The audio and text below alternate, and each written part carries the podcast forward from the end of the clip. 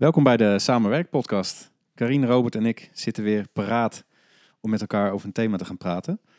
En ehm, Robert uh, die zou de inleiding doen, dus bij deze Robert, uh, ja. ga je gang. Ja. Um, deze podcast gaat over uh, niet weten. En uh, Karin kijkt heel vragend. Wat niet? En, en, en daarmee, niet. en daarmee om kunnen gaan en de waarde daarvan om daar mee om te kunnen gaan. Maar het zijn natuurlijk heel vaak situaties dat we, iets, dat we het niet weten, maar wel van ons vind, onszelf vinden dat we het wel zouden moeten weten. Al is het nou maar een gesprek met iemand die, belang, die belangrijk voor jou is, of die, uh, die je hoog hebt zitten, of waar je van afhankelijk bent. En, um, en je zit in het gesprek en je krijgt een vraag en je weet het gewoon niet. Zo, dus de, wat heel makkelijk kan gebeuren is dat je in de kramp schiet. Of dat je vindt dat je het moet weten, of vindt dat je een antwoord moet hebben. Of, en en dit, we wouden het eigenlijk hebben over de kunst van het kunnen omgaan met het niet weten.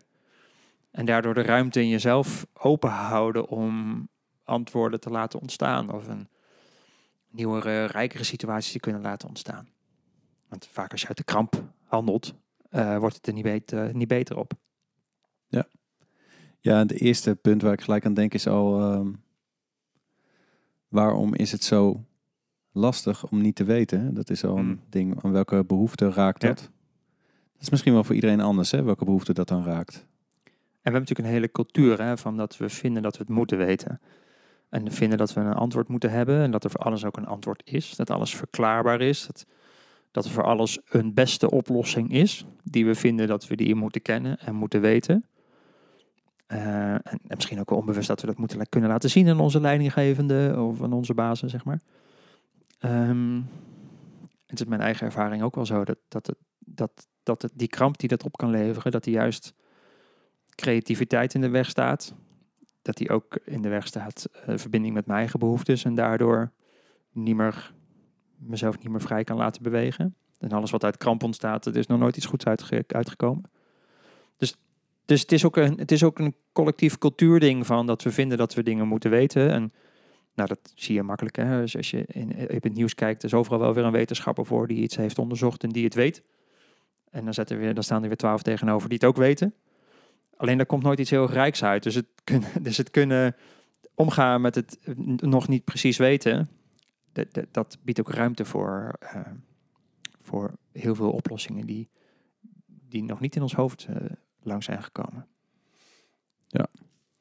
Ja, ik noemde het in het voorgesprekje al even tegen jullie dat het voor mij heel erg linkt aan mijn eigen geloofspuzzels. En dat ik me toen op een gegeven moment realiseerde van, uh, of ik las ergens in een boek, ging het over de kathedraal van zeker weten werd het genoemd. En die kathedraal heeft een paar pilaren, nou dat kun je wel voor je zien. En stel dat die pilaar is, bijvoorbeeld binnen het christelijk geloof, de Bijbel is letterlijk Gods woord. Als ik dat niet meer weet, of dat echt zo is, dus zeg maar als die pilaar gaat wankelen, ja bij een kathedraal ook, als een van die pilaren gaat, gaat die hele kathedraal. Dus dat voelde ik toen ook al wel, van dus mijn niet weten op, op één vraagstuk, is niet, vaak niet wat op zichzelf staat, maar dat gaat dan over een heel, heel verhaal daaromheen met allemaal andere dingen die, die ik dan misschien ook wel niet meer weet. Help, wat weet ik dan nog wel? Ja. En voor mij ging dat wel over veiligheid en over erbij horen en dat soort dingen. Maar ik vond het heel angstig, want ik merkte dat alles ging schudden, zeg maar. Dus niet weten is een soort onveilige plek voor mij ook. En ja, ik ben net als ieder mens wel op zoek naar veiligheid, zeg maar. En hou vast en nou, we kunnen het ook nog weer over polariseren gaan hebben en zo. Dat het toch fijn is om ergens bij te horen en heel duidelijk te weten, maar dit is wat ik vind. Want ik ben heel erg voor dit of ik ben heel erg tegen dat, want dan hoor je erbij. Maar dat kunnen zeggen, ja, ik weet het eigenlijk niet. Ja, want daar horen dan vaak, vaak overtuigingen en constructies bij. Ja. En, maar bij wie hoor je nog als je, het niet, als je het niet meer weet? Nou, precies. Ja, als je co die collectieve constructies zegt, van, ja, ik, ik, weet niet meer of dat wel zo voor mij waar is. En dan stort zo'n hele kat kathedraal in. Uh, maar, maar, stel dat jij het één vindt, hè, Robert. En Karin, jij vindt het ander. En jullie staan echt tegenover elkaar. En ik weet het niet. Ja. Dan is het voor mij zoveel veiliger om te kiezen voor dat van Karin of dat van jou. Want dan hoor ik in ieder geval bij een van beide, weet je wel. Mm -hmm. En dan, als ik dan, dan zijn we ook nog met z'n drieën. Dus dan heb ik ook nog gewonnen bij degene bij wie ik hoor, zeg maar. en dan zeggen van, ja, maar ik weet het niet. En daarmee sta ik ook in mijn eentje. Opeens ben ik in mijn eentje misschien wel over. Want ik weet het niet en jullie weten het misschien allemaal wel. Het is heel ongemakkelijk, vind ik echt. Ja. Ja, dat is zo. Ik geloof er wel in trouwens. Ik wil er heel erg wel in zijn, zeg maar. In de aflevering over ongemak noemde jij dat sitting in the fire. Hè? Ja. ja. Oké, okay, Als dit is wat het is, dan wil ik daar zijn, want ik geloof dat dat klopt bij waar ik nu sta. Maar Kan je erbij blijven en niet weer gaan vluchten in oplossingen of andere Ja. eh, over overlevingsstanden, zodat je eigenlijk de oplossing zich aan kan laten dagen. Hè? Dat, dat Ja. die kan ons ontstaan. Maar voor mij is het ook nog wel wat anders. Ik heb twee van mijn kernwaarden, basisbehoeften, echt van, wat, wat ik heel belangrijk vind. Eén is begrijpen, het willen begrijpen. Dus ik ga altijd onderzoeken wat het zou kunnen zijn en verdiepen en boeken lezen. Daar word ik heel blij van.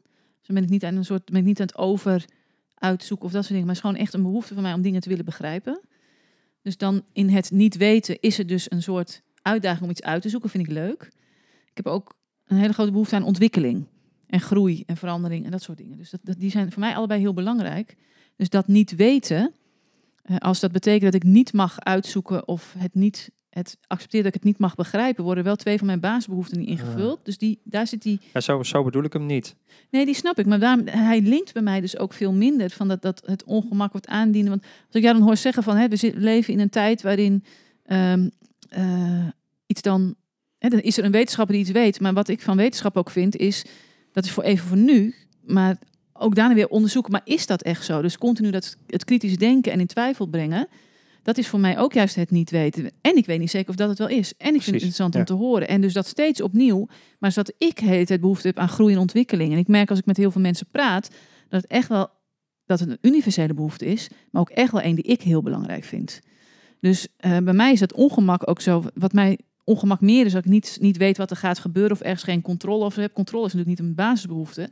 Maar dat ik dus dan daarin ga verlies doordat ik het wil weten wat het dan voor een oplossingen zijn en hoe dat dan zou kunnen zijn. Ik ben echt iemand die houdt van dingetjes op te lossen en puzzelen en het willen begrijpen. Dus over na gaan denken. Ja, je doet mij geen groot plezier om juist vanuit mijn hoofd, ik ben heel veel hoofd, om daar lekker mee aan de gang te zijn, maar wel mijn lijf te voelen of het klopt of niet. Om daar hè, in samenspraak van, ja, dan kies ik voor deze of kies ik voor dat. Dus waar jij net op aanging, Adriaan, met dat stukje, oh, dan kies ik voor die of dan hoor ik erbij, hè, dat erbij horen.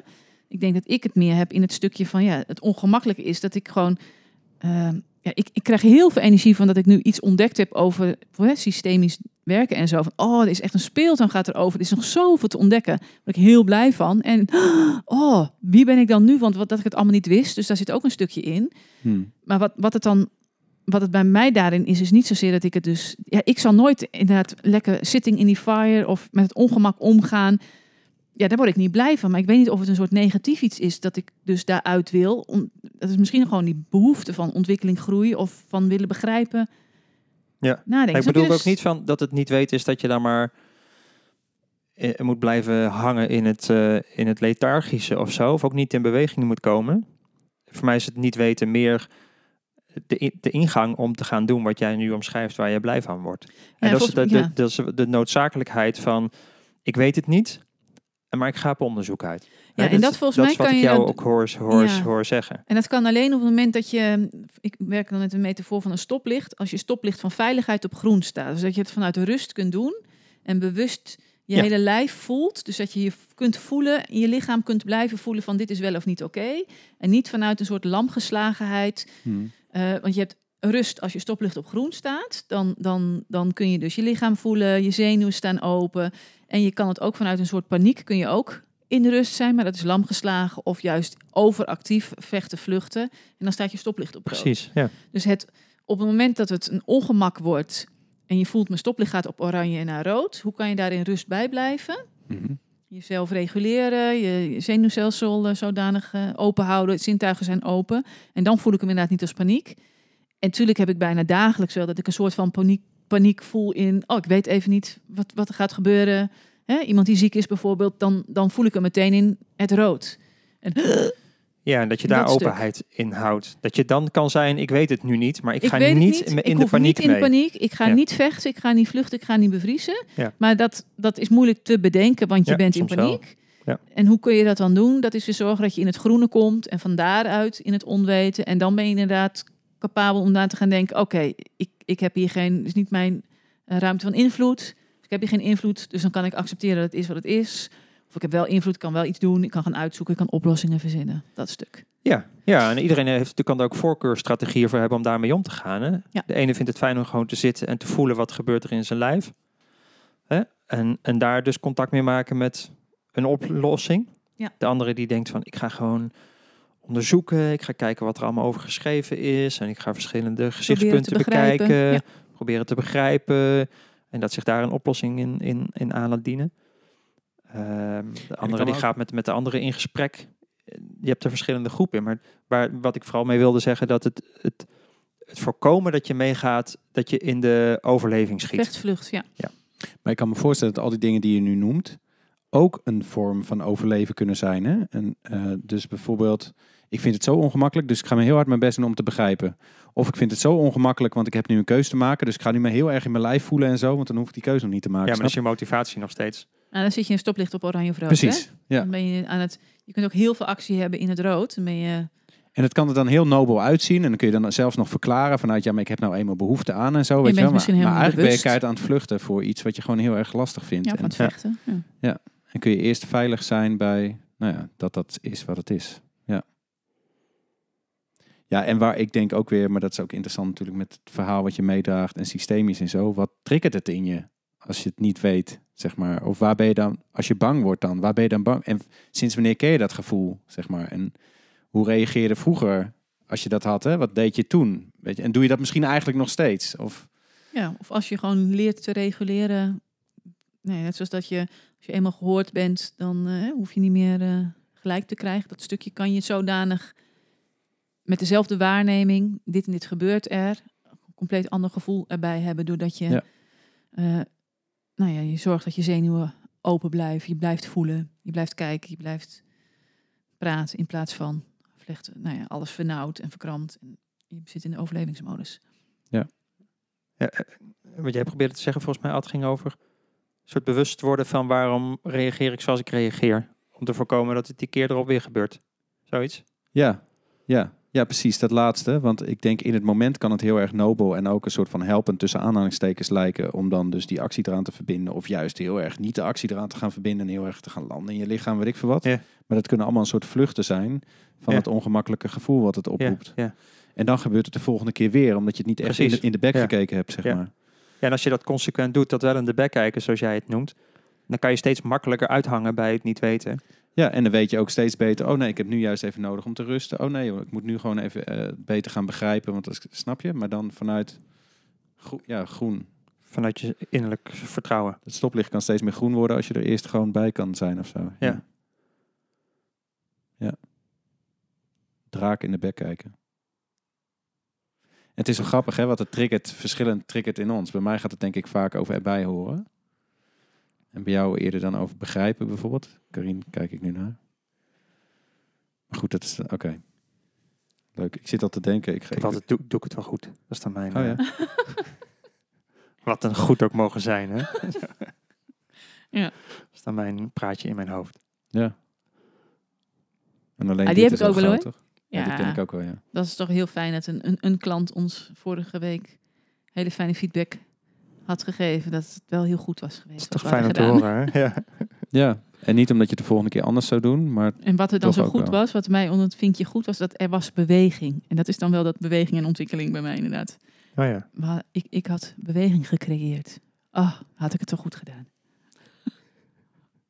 grappig, ja. En ik denk dan gelijk, kut, ik ben, Waardering, ik ben al anderhalf jaar Zei bezig. je nou kut? Ik- zei je? Nee, ik zei geen kut. Jij wel?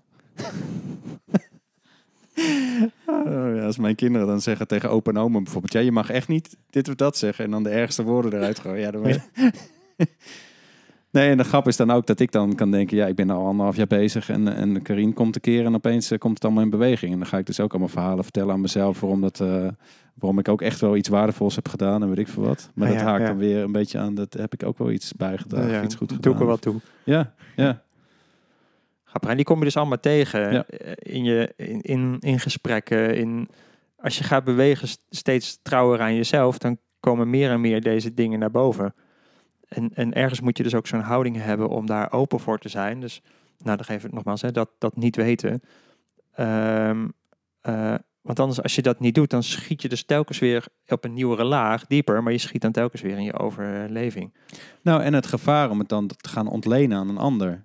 Dus dat ik dan aan die klant of aan jou zou moeten vragen van ben ik wel van waarde geweest? Weet je, ja, dat is. Ik geloof niet dat dat de helpende strategie is, zeg maar. Want dan blijf ik afhankelijk van een soort instemming van die ander. Maar kan ik echt instemming geven aan wat ik zelf doe of gedaan heb? Of kan ik ook instemming geven aan waar ik zelf voel van, oh ja, ik had eigenlijk nog iets meer van dit of dat willen doen. Weet je dat is een veel heilzamere weg, maar ook wel een ingewikkeldere weg. Dan gewoon zeggen van, eh, ik wou de naam al noemen. Maar ben je ook blij met wat ik heb gedaan? Dan had ze gezegd, ja, ik ben heel blij met wat jij hebt gedaan. Wat en, dan, heb je gedaan? Nee. en dan is het een soort van opgelost. Nee, dan is het niet opgelost. Weet je, in het moment wel. Ja. Eh, is dat ongemak dan even weg. Ja, Maar het het gaat raakt een over veel natuurlijk dieper laag. waardering, maar ook zelfwaardering. En Precies. iemand anders kan het wel heel vaak tegen je zeggen, maar het is weer die verbinding met jezelf. Ja, Heb je zelfwaardering, dan heb je niet van de ander nodig. Ja. En het is super fijn als de ander even Ja, uitspreekt het dat, is je, even goed nog fijn om dat, te dat je horen. werk gewaardeerd wordt. Ja. Ja. Ja. We blijven ook gewoon mensen met onze, eh, onze diepere onzekerheden.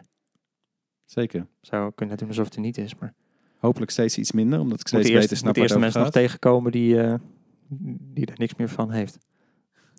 Maar ook dit gaat over, ik wil daar ook bij kunnen zijn. Snap je? Dus dat, en is het dan nog een onzekerheid of is dat dan meer gewoon een nu?